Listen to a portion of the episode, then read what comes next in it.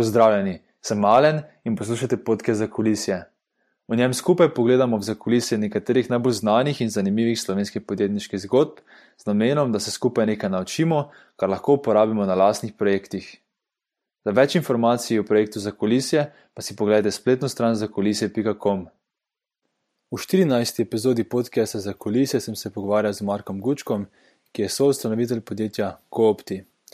Verjetno vsem najbolj znan kot nizkocenovni prevoznik do letališč, ki je v bistvu od leta 2011, ko je bilo ustanovljeno, pripeljalo že kar 850 tisoč potnikov. V podkastu sva se pogovarjala o pomembnosti strasti v podjetništvu in kako le to pomaga oblikovati uspešna podjetja. Seveda smo se podrobneje dotaknila tudi zgodbe GoOptija, od čistih začetkov, naprimer kako se je prva verzija spletne strani razvila s pomočjo indijskih programerjev, in do tega, kako danes, oziroma kako se skozi čas pri GoOptiju razvijali nove produkte in storitve. Na koncu smo se seveda dotaknili tudi teme o prihodnosti eh, panoge mobilnosti, ki je pravkar v veliki tranziciji, tako da smo se veliko pogovarjali o prehodu iz produktov v storitve znotraj te panoge. Um, Podajmo začeti tam, ko vedno začnemo. In sicer me zanima, kje se začne tvoja podjetniška zgodba oziroma ambicija. Um, pa jaz mislim, da že kot otrok sem bil vse čas um, tako napreži, kako lahko kaj spremenim. Tako se mi zdi, da vse čas sem razmišljal, kako, lahko, pač kako je kaj narobe, kako bi lahko, lahko kaj boljš. Um, pač ne vem, od tega, kako je v šoli kaj bilo, ali pa ne vem, kako sem zunaj kaj opazoval. Mislim, tako veliko časa sem se tudi zelo zanimal za recimo arhitekturo, ker mi je bilo blazno zanimivo tudi urbanizem, predvsem nekako, zakaj so določene stvari take, zakaj ne bi bile boljše, zakaj ne bi bile bolj logične, zakaj ne bi bile pač hiše bolj uporabne, tlorisi bolj uporabni. Um, pač nekako to življenje v mestu. Tako, vedno sem videl nekaj, kar sem videl, da bi se lahko izboljšali. Ampak nikoli nisem pravzaprav res razmišljal, da bom podjetnik. Tako se mi zdi, da nekako um, sem bolj nekako mislil, da bom pa, ne, v nekem večjem podjetju prišel prvo kot nek začetnik in pol počas šel um, na vzgor po moji um, pač, um, poti, kar me bo nesel. Um, ampak pol nekako um, sem tako tudi po zaključenem faksu v Ljubljani. Eh, ekonomije, tu postal asistent finančnega direktorja v Sivaju. In takrat tam je bilo res mi na eni strani tako pešen delati z jadrnicami, ker zelo rad jadram, ampak na drugi strani sem po parih mesecih se začel res, res dolgočasiti. Tako nekako sem videl, da ta finance so res nekaj, kar mi ne leži. In sem takrat začel razmišljati, um, kaj pa pravzaprav je tisto, kar me zanima. In um, tako je mi prišel ta turizem na glavo, ker turizem je pa nekaj bil skozi tako moja strast za zraven. Um, ampak nekako tudi na koncu gimnazije, tako pritisk staršev in vsega, kar rečejo, ne, to pa ni dovolj sofisticiran, to pa pač valjda ne boš turizem študiral. Um, in pa seveda sem šel na ekonomijo, kar sicer zdaj sem zelo vesel, da sem dobil ta znanja, ki jih verjetno, če bi šel takrat že turizem tako študirati, ne bi dobil.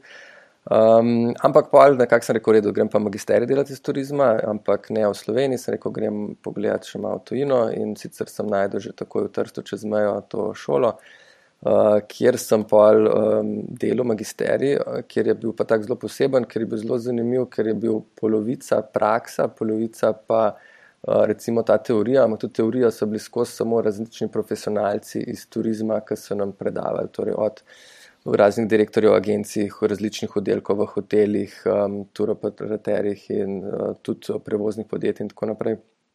Um, in tam se mi zdi, da sem res tudi veliko odnesel.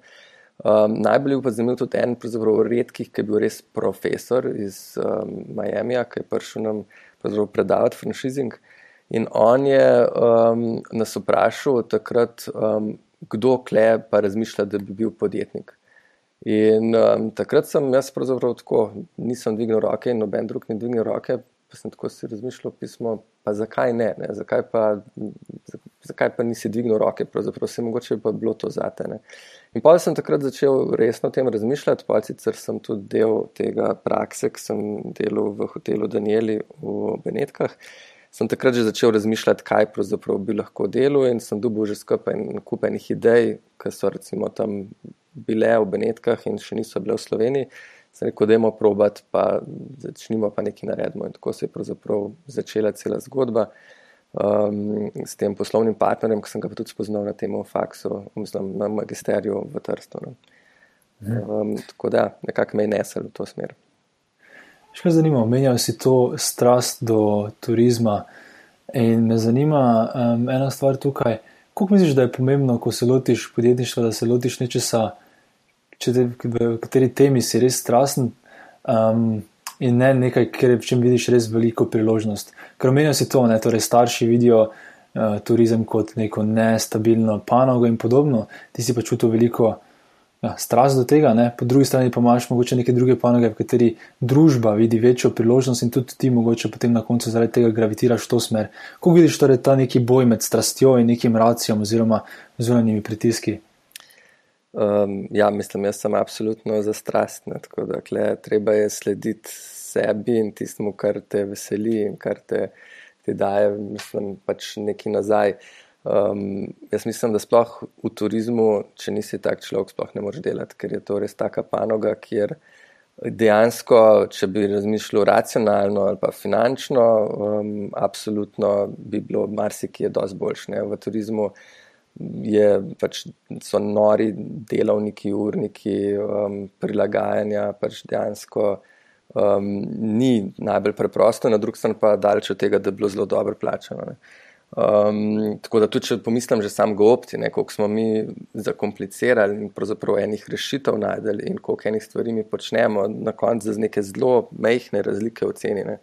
Um, tako, ko gledam mogoče druge podjetnike, ki delajo pač lahko čisto obrtniška dela, um, so, so po moje veliko bolj čez pršali finančno, tako kot pa recimo mi, vsaj za enkrat, pa kljub temu, da mi že obračamo resno neke večje vsote in res veliko ljudi pravzaprav že živi od tega optija, medtem ko trenutno ni še to, da bi lahko rekel, da je nek wow. Ne. Uh, kar se tiče finančnega, ker sem glede na to sploh, koliko moramo vlagati tega truda noter. Mm -hmm.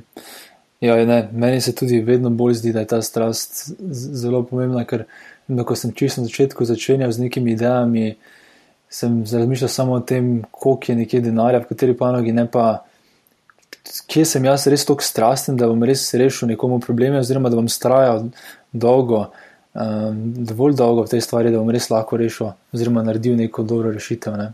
Točno to. Jaz mislim, da edini tako res strastjo najdeš, vidiš te probleme in jih res se lotaš in jih z veseljem rešuješ. Ne.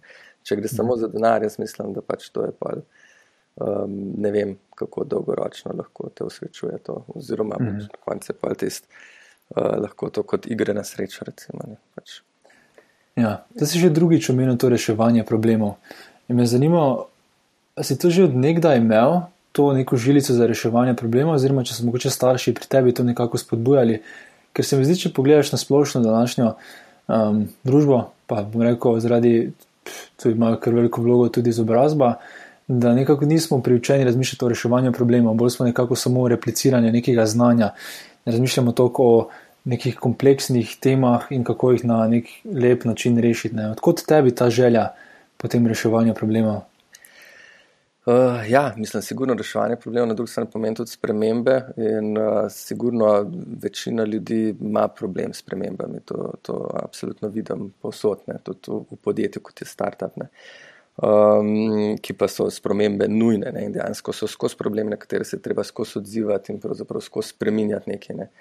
Um, tako da zdaj, kako so meni to kaj vcepili v glavo ali ne, ali ne vem, zakaj jaz to rad počnem, ampak nekako meni men je to drive, se mi zdi. No, tako da meni se zdi, da na tak način lahko izboljšamo svet in izboljšamo okolico. In, uh, vem, to izboljšanje pa meni pač tisto, kar sem rekel, mi je nekaj, kar mi je najlepše in me drive. Vem, jaz tudi, vem, kar se zamislim, kar nekaj ven gledam čez okno, pa kar že razmišljam, kako bi bilo pa tam lahko nekaj drugače, pa boljš. Pa, ne vem, pač, ne vem, ali je to genetsko, ali so mi, mi je okolje to dalo, to se ne spomnim. Mhm. No, pa gremo mogoče kar na konkretni primer GoOptija, ker verjamem, da velika večina poslušalcev zelo dobro pozna že podjetje, oziroma je verjetno tudi kar uh, stranka. Um, bom te malo na drugačen način vprašal. In sicer me zanima, za katere vse ljudi reš, rešujete, katere probleme GoOptijo? Huh, um, ja, sigurno zelo na široko. Ne. Mi smo um, sploh po vseh teh transformacijah različnih poslovnih modelov prišli v to, kjer smo pravzaprav bili tudi na samem začetku, torej da smo platforma, ki smo na eni strani za um, izvajalce prevozov, torej ponudnike, in na drugi strani za uh, naše potnike. Ne. Tako da imamo pravzaprav oba dva pola. Um, in že samo pa seveda na strani potnikov m, rešujemo probleme zelo različnim tudi segmentom, tipom potnikov. Um, predvsem, ker smo tudi videli, da zato, da imamo neko najboljšo lahko ceno, najboljšo ponudbo, moramo dejansko v eno vozilo um, dobiti čim večje število potnikov oziroma čim večje okupanci. Um, to pa lahko naredimo samo tako, ker seveda na daljših relacijah potuje ne tako veliko ljudi, da moramo dobiti tako vne študente, tiste, ki so najbolj fleksibilni oziroma ki so pripravljeni plačati zelo malo, do tistih, ki so pač recimo v nekih um, na poslovnih um, potovanjih oziroma so pripravljeni plačati nekaj več za to komoditeto, da je mogoče bolj ob njihovih urah oziroma do unih, ki prav želijo neke zasebne prevoze. In kombinacija vsega tega lahko omogoči, da naš prevoznik res dela profitabilno in da tudi nekaj za nas ostane. Ne. Um, tako da je zelo dejansko kompleksno, ker kadarkoli se jo želimo usmerjati samo v en segment, ki bo. Um, ki bi bil lahko unta prav, da bo pač najhitreje rastel, zelo hitro vidimo, da rabimo še druge tudi zraven. In je težko, da bi razvijali samo en segment. Um, in na strani prevoznikov, pa smo tudi probali že vse možno, od prevoznikov, ki imajo pač en voznik, en svoj kombi, pa do večjih transportnih podjetij, ki imajo lahko tudi v floti vem, 500 avtobusov, pa vem, 30 kombijev, ali pa zdaj so bili eni v Španiji, ki imajo 100, 150 kombijev v sistemu. Ne. Um, in seveda vsak ima spet svoje različne potrebe in želje, in seveda kle narediti neko čim bolj tako storitev, ki bi bila primerna za vse, um, pa istočasno, da ne delaš iz tega nore znanosti, je kar problem. In kle se recimo kar veliko obadamo v tem, koliko zdaj pravzaprav personalizirati, koliko pa pravzaprav čim bolj uniformirati, zato da lahko sploh zdaj hitreje rastemo in gremo v tujino in se lažje širimo. Ja, mora biti kar triki, če imaš toliko segmentov naenkrat. Ja, ja, sigurno. To je um, konstantno um, enigma, s katero se ukvarjamo. Um, vem, imaš morda kakšen konkreten primer, kakšnega featureja ali pa um, kakšnega dela produkta, kako ste ga razvili? Kaj s tem mislim? Torej, zanima me, kako izgleda proces razvoja novih produktov, oziroma mogoče kako je čisto na začetku izgledal raz, eh, proces razvoja GoOptija. Um, veš, kako ste odkrili vse te težave teh različnih segmentov, kako ste sploh odkrili, da obstajajo različni segmenti, ste se pogovarjali z njimi, si ti že imel že toliko znanja naprej.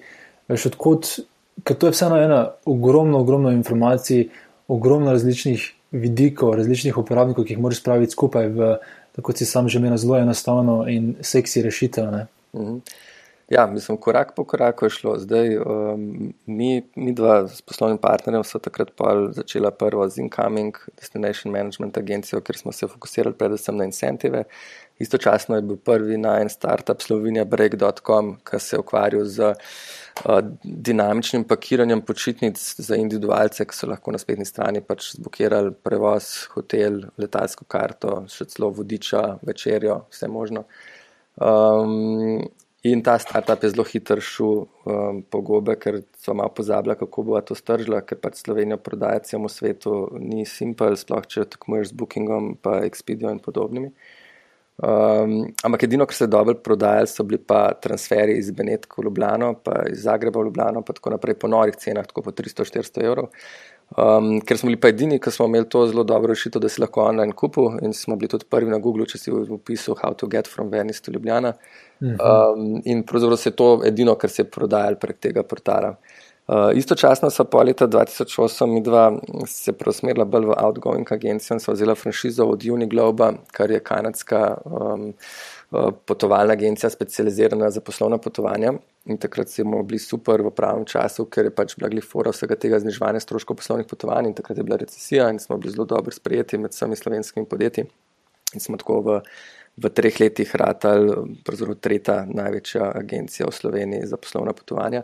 In ena izmed stvari, kako smo zniževali stroške poslovnih potovanj, je bilo tudi, seveda, ponujati uh, letalske karte iz Benetk, iz Trsta, iz Graca, iz Zagreba in tako naprej.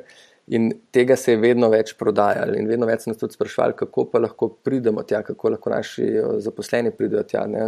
Tudi zdaj to je pa strošek, zdaj jim plačevati uh, prevoz do letališča in, in tiste cestnine in um, parkirišča in vse skupaj.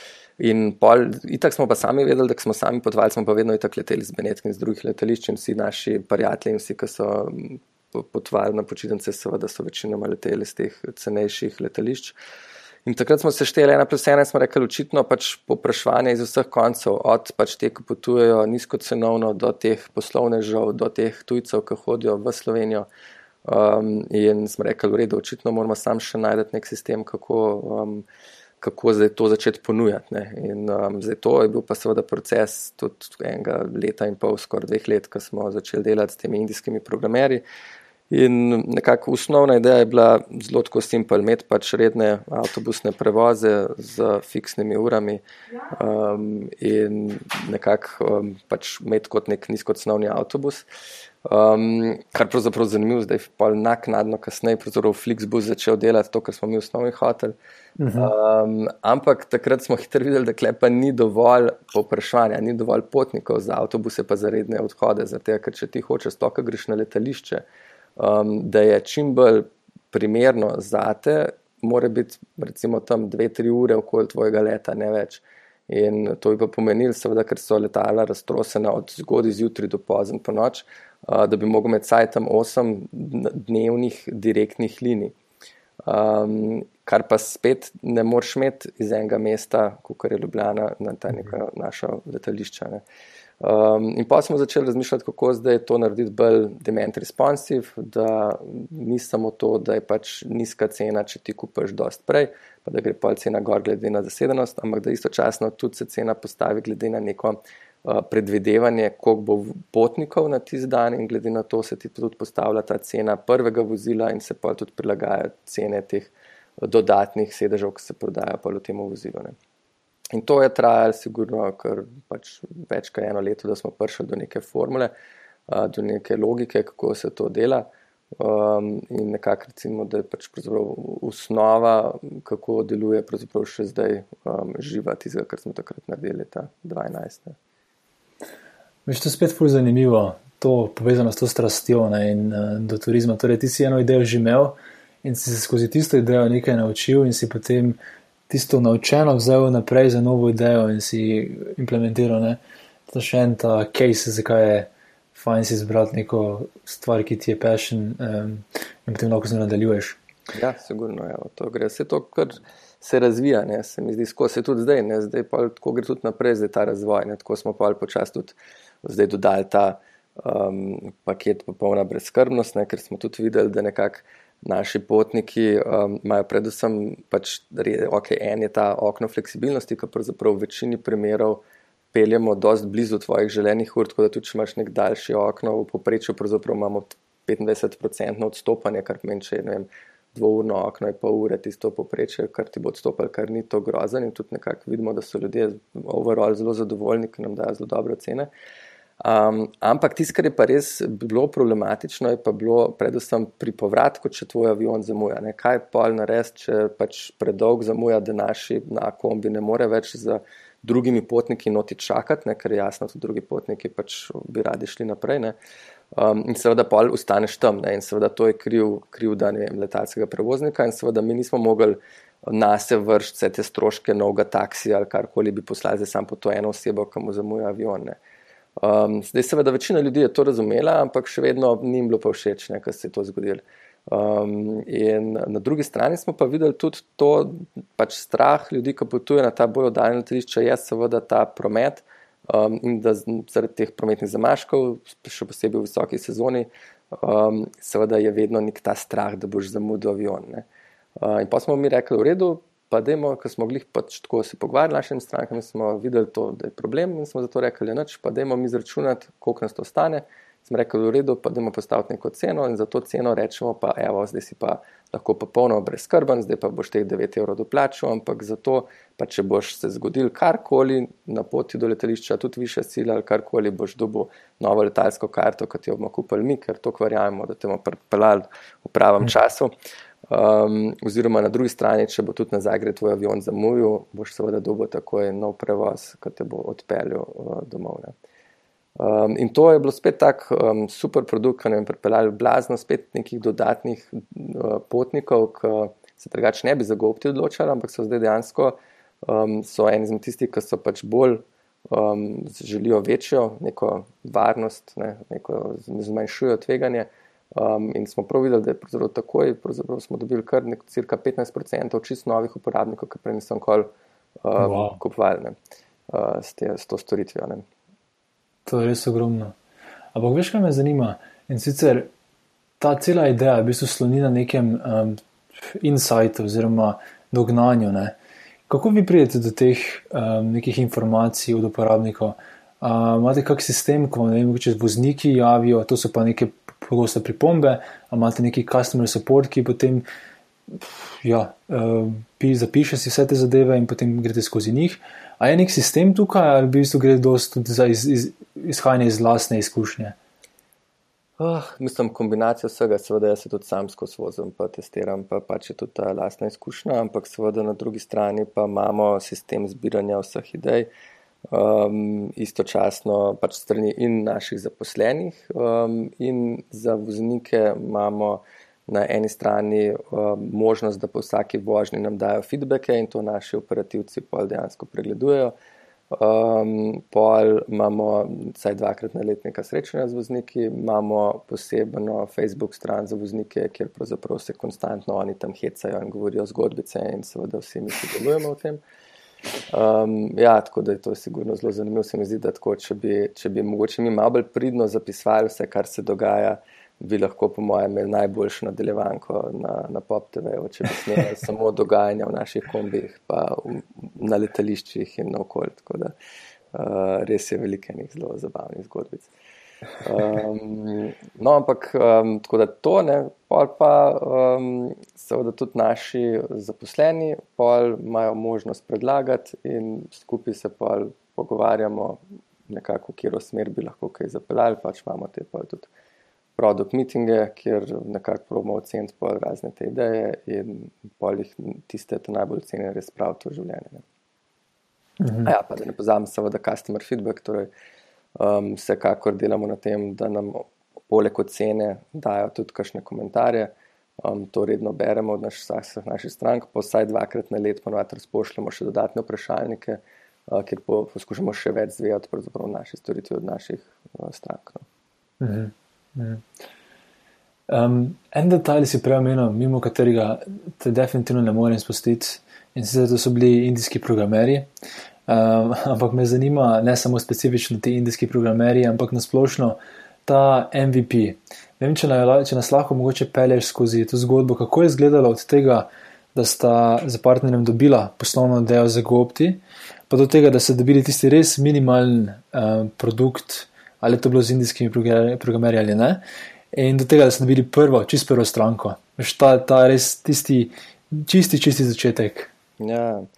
Ja, mislim, da okay, um, pač ta sam razvoj je bil sigurno zelo mučen. Uh, zdaj, moj poslovni partner, ki okay, se je tako bolj ukvarjal še vedno z Uniglobom, uh, kar pomeni, da so pač za GoOpti še zraven pripeljali še tretjega poslovnega partnerja, tako da je on se bolj z mano ukvarjal na GoOpti projektu. Mi, da so šli tudi v Indijo, uh, predvsem, ker so videli, da se po Skypeu noč ne da z njimi zmeniti, ker oni ti skozi pač tam pravijo, jaz ser, jaz ser, pa pa ki ga vidiš v živo, pa vidiš, da mu noč ni jasen. Uh, in zato tudi traja zelo dolg. Ne. Meni je bilo to, ta razvoj preko Skypa zelo mučen. Sicer pa smo šli dol za, za dva tedna, da smo tam pol res pol pospešili, tako da ti so živo je bilo res fajn. Um, sicer sem jaz takrat še fasupal zaradi tega obiska v Indiji še neko uh, noro bakterijo, ki sem bil pa še en mesec sklepal v bolnici v Sloveniji. Uh, tako da je bila res taka pestra izkušnja s temi indijskimi programerji. No, um, ampak ja, smo pa naredili, v, rečemo v letu pa pol, sta dva programerja full time za nas programirala v Indiji. uh, strošek je bil pa tako tam cirka 10 tisoč dolarjev. Um, in pač seveda, če imaš mehen budžet, je to nekaj, kar pač se lahko prvošaš, medtem ko seveda slovenskim programerjem bo to težje, oziroma pač zdaj sicer, kar razmišljam nazaj, škoda, da nisem že takrat raj povabil še kakšnega um, pač inženirja v našo ekipo, že founderjev. Ampak, okay, takrat se nam je nekako zdela ta varianta s temi indici zelo taka uh, easy um, rešitev, ki se je na koncu tudi izkazala za kar mučen proces. Mhm.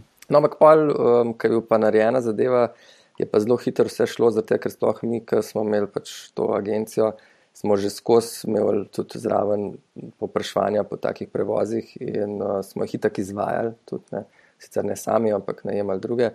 Um, tako da, ko smo lansirali naš, našo platformo, je so rezervacije tako začele padati. No.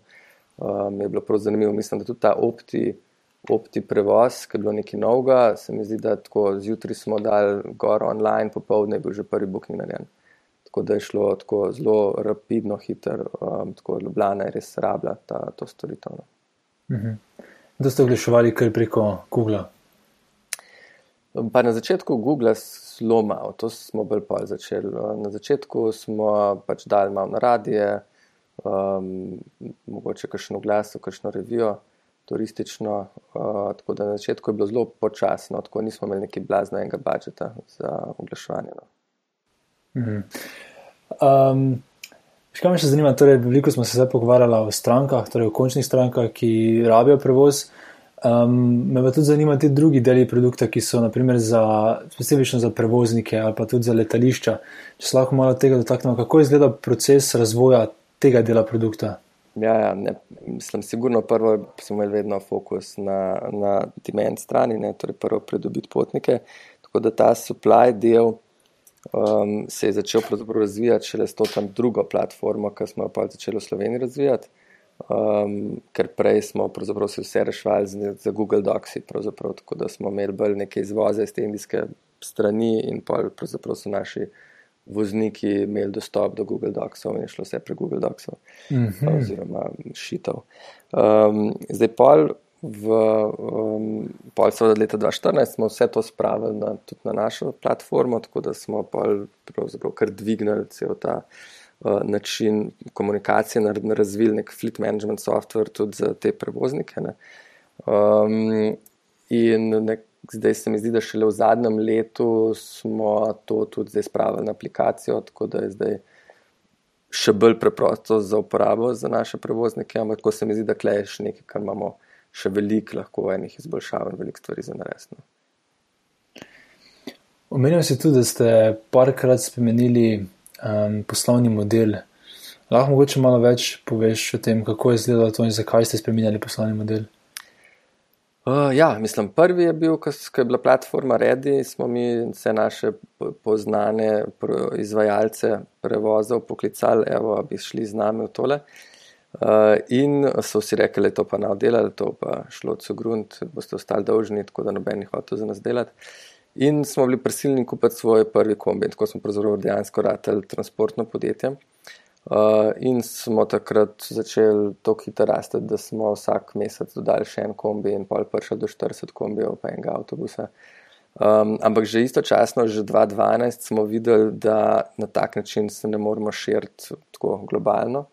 Uh, in smo takrat videli, ker smo imeli sami to franšizo od Unigloba, se nam je zdel ta franšizing full dobro sistem. In smo pol dal Mariboru, slovenski obali, pa ja, Zagrebu, pa tudi enemu Ljubljanu, ki je vozil pol do, do Nemčijo, pa Avstrijo, pol franšize, ker smo jim dali neko ekskluzivnost na te relacije iz teh mest. Um, tako da to je bil prvi tak shift. Pol v naslednjih letih smo sicer videli, da te franšize je kar problem kontrolirati, oziroma pač je, je veliko močnejšo pogodbo imaš z njimi, kot recimo z nekimi prevozniki Uber, kar pomeni, da, da je veliko težje se pač ločiti, če ti kaj ni všeč. Um, in tudi, ki je kašni, tudi niso nekako rastel, tako kot bi si želeli mi. Istočasno pa Uber, a to je tako velika zadeva in smo rekli, da očitno je to ta pravi način, kako je treba rasti. In smo nekako pol vse naše vozila in avtobuse vse razprodali in odprli platformo za kogarkoli. In uh, takrat postali pravzaprav SIT firma, ker smo nekako um, prekinili to, da smo mi prevozniki v določenem delu. In pa tudi se širili zdaj v Italijo, v nova mesta na tak način, kot Uber deluje. Um, sicer kle smo zdaj tudi se zelo veliko naučili, oziroma zdaj v teh dveh letih smo videli, da, da seveda je to dolgoročno lahko finančno boljš, ampak na drugi strani zahteva nore kapitalske vložke, tako da kar jih ima Uber, da odpre neko mesto in da razvije vse do neke profitabilnosti, tako imamo zdaj mi iste probleme kot Uber, kar pomeni, da rabaš res veliko financiranja, da lahko to narediš. Uh, tako da smo pravzaprav trenutno glih v fazi, ko se vračamo nazaj v franšizing, ker uh, vidimo, da bomo veliko lažje pa hitreje se širili za manj investicije v, v nove države. In tako da zdaj smo bili Španijo odprli, zdaj spet v franšiznim modelom, kjer pa zdaj nekako smo se za toliko stvari naučili, kako nadzirati oziroma kakšne partnerje rabaš, da pač jim lahko zaupaš, da bojo stvari izvajati, kot si ti želiš.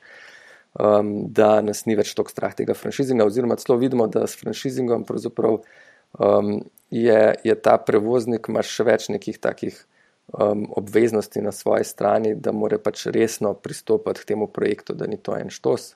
Uh, ampak da je pač to resen posel, ki moraš nekaj vložiti v to, ampak dolgoročno pa lahko tudi več denarja zaslužiš za tega. To, če prav razumem, tu v Sloveniji zdaj trenutno imate večinoma ta neki, le, lahko temu rečemo, contracting, ne? Medtem ko se odločite za tujino, potem gre bolj za franšizni sistem. Um, ja, trenutno v, v Sloveniji zaenkrat še ta, mislim, v Sloveniji na tem predelu, kjer ni bil franšizen, je, je tak sistem, kot ga ima Uber.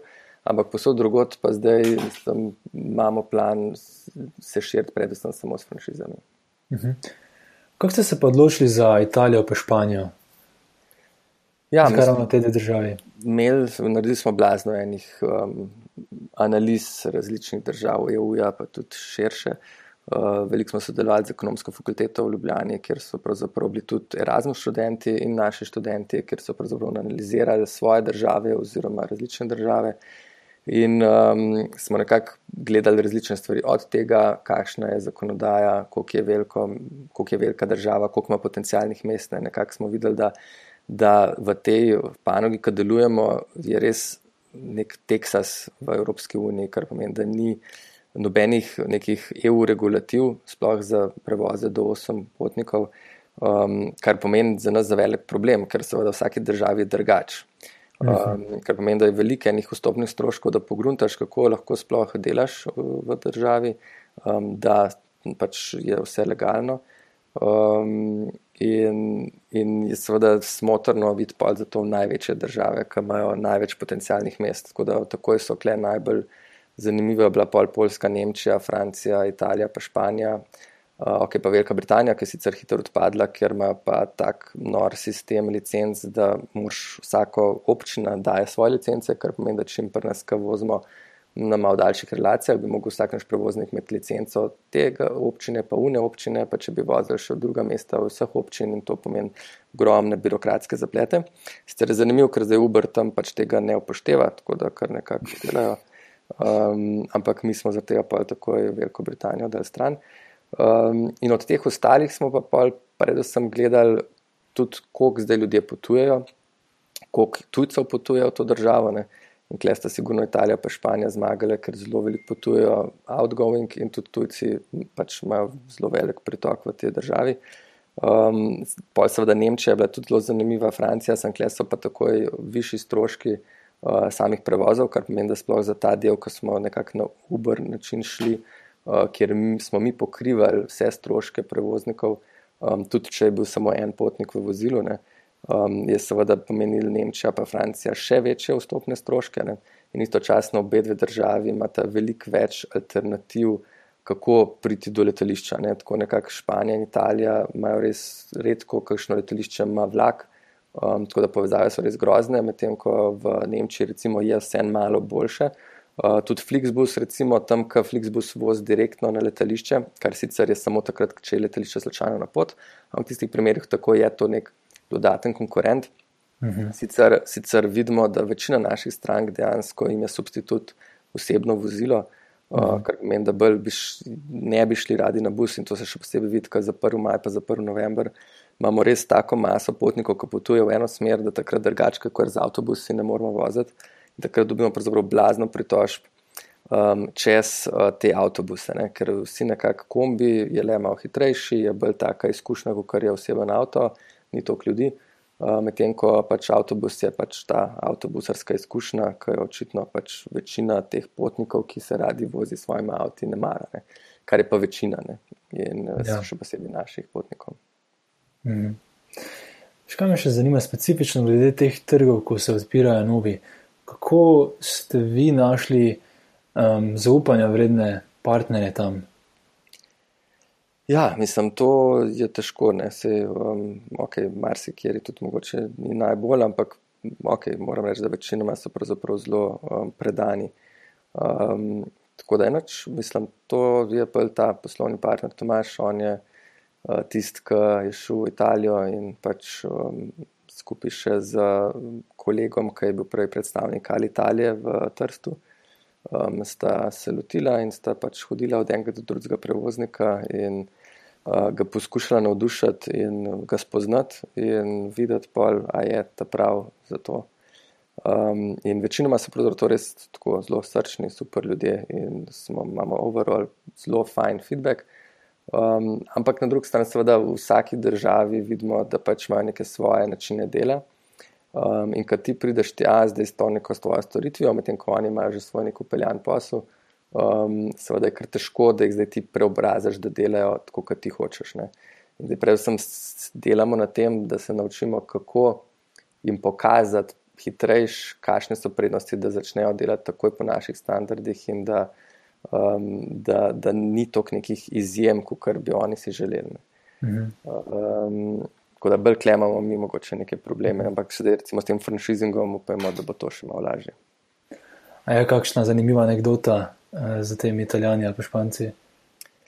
Španci smo bili začeli, tako da pa špancih še ni. Um, pri italijanih pa pismo. Um, zdaj, da bi iz glave se spomnil, kakšno tako, da je bila res zanimiva, pa smešna. Mogoče se kasneje spomniš, lahko pustiva to ob stran, pa če se kasneje spomniš, lahko um, se o tem pogovorimo. Um, tam se še neče se druge loti in sicer bolj finančnega vidika. Si že prej razlagal, da ste na začetku se odločili, da boste sami um, kupili prve kombije in podobno, ne? ker In rad bi se o tem pogovoril, ker v bistvu gre za malo drugačno idejo. Ne? Torej, ne gre za neki klasičen, oziroma na začetku ni bil klasičen neki programerski startup, ker nimaš nekih visokih stroškov materiala, to je bilo zgleda ravno obratno na začetku. Zato me zanima, kako ste na začetku sploh financirali to idejo. Uh, ja, mislim, da okay, avto lahko kupiš na leasing ne? in ni neki blazen strošek. Tako da um, dejansko prevoznik s kombijo me lahko skoraj vsakne um, ni nekih blaznih vstopnih stroškov, tako da tukaj ni bilo ful problematično. Bolje je bilo mogoče un marketinški del to spromovirati, pa predvsem to razviti. Ampak, kako je to razviti, je spet z indici ratelj relativno ugodno. Um, pa na koncu je predvsem moj čas, ne. to, to kar um, je težko ovrednotiti. -huh. um, pred kratkim pa ste imeli še eno investicijo Evropske komisije, če sem nekaj prav prebral. -huh. Mhm. Lahko mogoče malo opisal, kako je izgledal ta proces in komu so sploh namenjene te investicije. Ja, to je ta Horizon 2020, um, kjer um, za ta mala in srednja velika podjetja imajo poseben uh, sklad, samo je ena, pa samo je dva. Mi smo dobili ta samo je dva, ker je um, lahko tam do 2 milijona pa pol se dobi, mi smo dobili milijon pa pol. Uh, um, nepovratnih sredstev za dejansko to, kar delamo, za izboljšanje našega produkta in širitev na italijanski in španski trg. Uh, zdaj sicer ni tako simpel um, dobiti tako, tak razpis, mi smo se vsaj ene petkrat prijavili, vsakič izboljšvali ta naš projekt. Uh, vmes uh, smo dodatno naredili še feasibility stadije um, in uh, nekako že imeli nek um, prvi model postavljen v Italiji, da smo lahko pokazali, kako pravzaprav delamo. Um, istočasno, um, tako se mi zdi, da je kar, kar uložek, no, da, da to narediš. Um, ampak na koncu, če res verjameš, da pač imaš nek tak produkt, ne, v našem primeru se je vmes zgodilo, da smo pa še, ko smo se že prijavljali na ta uh, Horizon, smo istočasno um, pridobili še investitorje tvegan kapitala, ne, kar pomeni, da smo pa v prihodnih korakih še lažje, pravzaprav še več točk zaradi en kupenih teh stvari, ki so se sploh dogajale, da smo pa res prišli do tega, da smo um, bili izbrani, da smo dobili to financiranje. Torej, vi od začetka niste imeli nobenih eh, zunanjih investitorjev, ste sami vse financirali? Ja, sami vse do leta 2015. Je bilo to, um, ste se namensko tako odločili, ker ste želeli pač ohraniti večji del deleža ali stano niste čutili potrebe? Ja, jaz mislim, da bolj sem ti moment ni čutil potrebe, pa tudi se mi zdi, da takrat leta 2010 2011 ni bilo spet toliko veliko govora v Sloveniji o vseh možnih načinih financiranja, pač takrat sta bila sicer UNP1, pa 2, ti smo dobili za unslovenija break.com, uh, ampak pol nekih resnih takih investitorskih zgodb, takrat se mi zdi, še niso bile toliko tok blazno popularne oziroma so glih se začenjale, no, uh, da so bile malo bolj, tako da se je malo več začelo o tem govoriti pa pisati. Tako da mi smo pa takrat, sicer leta 2013, začeli se s tem malo spogledovati, pa se malo zanimati, tako da je pa trajalo glihene dve leti, da smo pa zadevo zaključili. Mhm. Eno vprašanje še glede teh uh, skladov uh, Evropske komisije. Um, kakšni so kriteriji tu, za koga, za kakšne startupe je ta denar na voljo? Je to, kar se tiče same teme, specifično ali glede velikosti startupa ali česa drugega? To je za male in srednje velike podjetja, sploh ne treba, da je startup. Ne? To je uh mhm. -huh. za do, mislim, da 250 zaposlenih v podjetjih, um, kar pomeni, da je sigurno primerno za večino slovenskih podjetij. Um, važno je sam, da imaš neko idejo oziroma nek produkt, ki ga hočeš razširiti, pravzaprav razviti in pol razširiti na druge. Eh, dele Evropske unije. Torej, nekak, če, če vidijo, da je to nek potencial, ki prinaša neko prihodnost um, in da bo to lahko um, izkoriščeno po različnih državah Evropske unije, ti dajo za to denar, da lažje, hitreje razvijaš in da pa res to razširiš po Evropski uniji. Mm -hmm, zanimivo. Pa dajva še se dotakniti te zelo široke teme, ki me osebno zelo zanima, verjamem tudi veliko poslušalcev, torej prihodnost same eh, mobilnosti. Me zanima ti, kot nekdo, ki delaš v tej branži, kako ti vidiš prihodnost mobilnosti? Mislim, jaz vidim, da je res eno super obdobje, ker se bo res veliko stvari spremenil. Tako se mi zdi, kukar, da je bilo zadnjih 15 let obdobje mobilnih telefonov bo zdaj naslednjih 15 let stvar, um, res obdobje sprememb v transportu. Um, sploh tako, ko spremljam, kaj vse se dogaja v večjih mestih, uh, kakšne vse aplikacije, start-upi, uh, kaj vse večji proizvajalci um, avtomobilov, pa do pač naftnih podjetij, um, do vseh možnih, ki trenutno sodelujejo v tem starem um, procesu transporta oziroma temu ciklu. Um, in vsi vidijo, da se bo drastično spremenil. Uh, in vsi zdaj iščejo, kako bo, kaj se bo zgodil. Um, in nekako se mi zdi, da res velike, velike uh, investicije in kupenega kapitala se zdaj zgrinja v to smer, da pač se res um, spremeni to, kar smo mi vajeni da danes, da pač večinoma ljudi ima svoj avto parkiran, uh, oziroma celo dva ali pa tri in uh, se z njimi vozimo na, na nafto. Okol. Zdaj to jaz mislim, da v naslednjih 10-15 letih se bo res spremenil. Kateri so mogoče tako najbolj zanimivi startupi iz tujine, ki si jih videl in misliš, da nakazujejo to spremembo? Mislim, prvi je sigurno Uber. Ne. Zdaj Uber je tisti, ki je pač največji in je, je sigurno gonilna sila. Zdaj pa so vsi tisti, ki um, pač poskušajo njemu slediti, ki jih je en kupne. Um, zdaj od takih, ki delajo um, podoben kot mi, recimo, ne, zdaj mi tako ta dinamičen šatelj. Ne, zdaj mi smo sicer eni zelo redki, ki smo se lotili teh dolgih relacij. Vsi večinoma so se lotili prvo rešiti probleme velikih mest. Um, in to je in ta čerja, ti San Francisco, pa Vija iz New Yorka. zdaj Clever Shuttle v Nemčiji, pa Eli, recimo v Berlinu. Tako da zdaj jih je že kar veliko, no, ker se zelo zanimive zadeve dogajajo. Zdaj sem glih na eno novo aplikacijo najdel od enih fincev, ki je točno taka, kot sem si jaz zamislil, če bo enkrat govoriti tudi na kratkih relacijah. Evo, pa so že naredili. Um, tako da ne, mislim, jih je zelo velik, pravzaprav že, že, že nimam nadzora nad vsem. Nekaj časa smo probali čisto vse spremljati in tako smo prišli do ene 300 startupov pa njihovih aplikacij. In zdaj jih že pravzaprav ne moreš več vse dodajati, ker jih je noro velik, ne, to, to se dodaja, tako vsak dan bi lahko še nekaj novega dodal, pa pogledal. Kako pa misliš, da bo ta sprememba izgledala v Sloveniji? Ja, mislim, se, se že dogaja, ne? zdaj nekako GoOpti na dolgih relacijah že spremenja, zdaj Avant to Go, jaz mislim, da bo tudi um, dobil svoj, svojo ciljno publiko, um, ki bo tudi počasi začel, da bojo ljudje vedno manj kupovali ta drugi avto in bojo lahko tudi začeli uporabljati tega, ki ga bojo si šerali. Um, zdaj, torej, manjka nam samo še, da pač ugotovijo naši uh, zakonodajalci, da morajo pač vzpostaviti tak sistem, da seveda um, ne branijo trenutnih avtobusnih prevoznikov, um, ampak jim bojo bolj pomagali, če bojo dovolili, da pridejo še kle drugi ponudniki transporta, kot je Uber.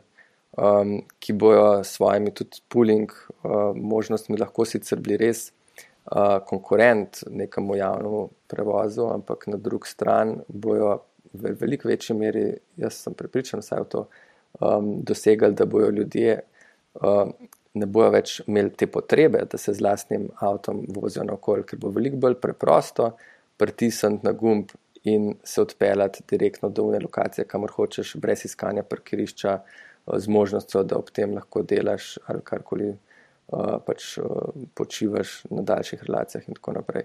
Tako da, um, ne vem, jaz sem zelo velik pristaš tega, da se klema obr um, liberalizira in odpre trg in uh, ker sem pripričan, da bodo tudi vsi um, te trenutno klasični avtobusni prevozniki pri tem pridobili, zaradi tega, ker seveda to pomeni, da ne, da bojo zdaj tisti, ki se že zdaj vozijo z avtobusi, z avtobusi šli na to, Jaz mislim, da bo več ljudi, ki bo začel svoje pač prvo, druge avto, pa pa prve avto v nekih mestih prodajati, in seveda v tem primeru um, bojo lahko imeli alternativo teh Uberov in podobnih aplikacij, oziroma bojo lahko pač šli tudi na še vedno javni avtobusni prevoz, če bo na voljo v taki obliki, kot si ga bojo oni želeli.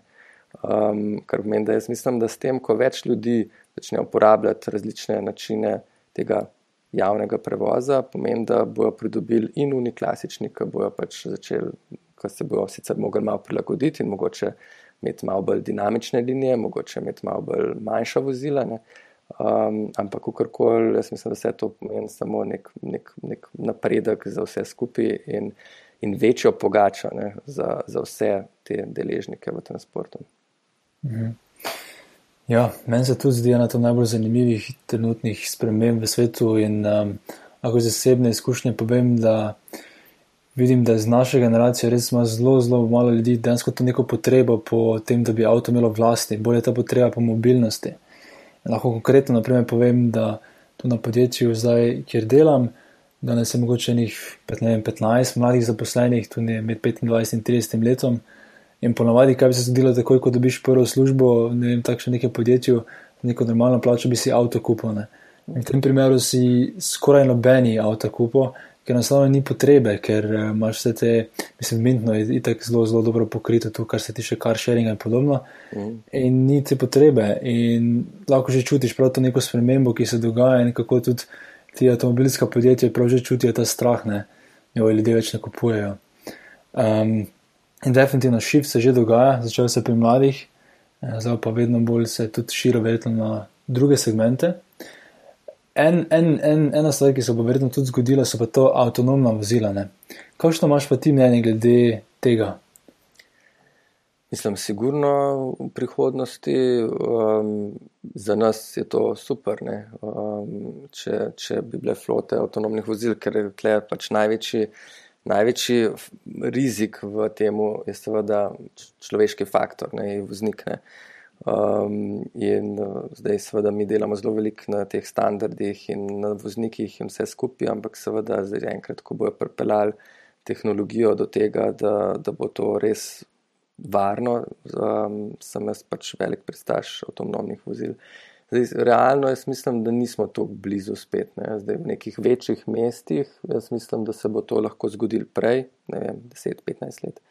Zdaj na teh nekih daljših relacijah, da ne bi bilo šoferja notor, jaz mislim, da smo vsaj 30 let stran.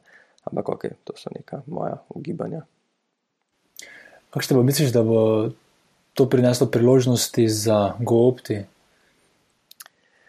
Um, sigurno to zniža stroške ne, um, na kilometr, kar pomeni, da čim se znižajo stroški na kilometr, pomeni, da je bolj privlačno za več ljudi. Ne kar pomeni, da čim je ugodnejša storitev, več ljudi posega po tej storitvi. Uh, isto je pač Uber po gruntu, seveda. Pač tako je, čim je nižji strošek na kilometr tega taksija, blazno se mu poveča um, pač potencialni krok kupcev. Ne. Um, in glih klejpal, seveda, lahko delaš na zniževanju stroškov, tako da pač delaš pooling, kar delamo mi, pa kar se dela, pač poskuša delati tudi Uber. Ne. Lahko delaš s tem, da imaš pol pač nelicencirane prevoznike, kar dela Uber, pa se je s tem pač zelo zasrl v Evropi zaradi tega. Ne. Uh, ampak se mi zdi, da veliko ljudi sploh ne ve, da Uber ima tudi zelo tudi licencirane prevoznike na to aplikacijo. Ne. Samo je najcenejši, je ta nelicenciran bil, ne. se zdaj ga skoraj več v Evropi ni. Ne. Uh, ampak s tem so dobili zelo slab um, glas ne? in uh, res uh, je bila to, se mi zdi, ena večja napaka Ubra, kako so stopili na evropski trg. Um, in seveda en izmed naslednjih korakov, kar seveda Uber zelo dobro razume in zato vlaga tako veliko avtonomna vozila, je, da pa voznika ne bo več noter. Ne? In v tem momentu seveda strošek na kilometr bo šel še nižji, pa še varnost se bo lahko še povečala. Mhm. Um, ja, najlepša hvala, Marko, ja, za vse te odgovore. Um, imam še samo um, dva končna vprašanja. In sicer me najprej zanima, če imaš kak na svet um, za vem, današnjo mladino, rečemo za nekoga, ki je star 20 ali 25 let, kaj je tak neka stvar, ki bi jim povedal, nek na svet, ki bi jim dal. Ma, jaz bi se kar vrnil na, tis, na začetek. Ne? Pač slediti moraš svojemu srcu, moraš delati to, kar te zanima, kar te veseli, in ne smete biti strah ničesar. Kar pomeni, da le, če imaš željo, bo lahko rata, tako da treba je sam delati na tem. Uh, tako da, ja, follow your dream. Ne? In še zadnje vprašanje, um, imaš mogoče kak kontakt ali kak način, da bi te lahko kdo izmed poslušalcev kontaktiral, če še ima kakšno vprašanje? Um, lahko na markoafnagoopti.com. Super, najlepša hvala, Marko, še enkrat za tvoj čas in za vse zanimive odgovore. Um, in veliko sreče še naprej. Ja, hvala lepa, enako. Tako, to je vse v današnji epizodi. Če ti podcast za kulise všeč, te vabim, da se prijaviš na mailing listu na zakulisi.com, da boš obveščen ob objavi naslednje epizode. Zaenkrat se je izkazalo, da je ena epizoda na dva tedna dobra frekvenca, tako da bom kar nadaljeval s tem. A ja, pa hvala vsem, ki ste oddali ocene in komentarje na iTunesu. Za tiste, ki pa še tega niste naredili, vas vabim, da mi tako pomagate razširiti besedo o tem projektu, saj z vsako oceno in komentarjem iTunes boljše nagira podcast in ga potem lahko odkriješ več ljudi. Hvala še enkrat in se slišimo v kratkem.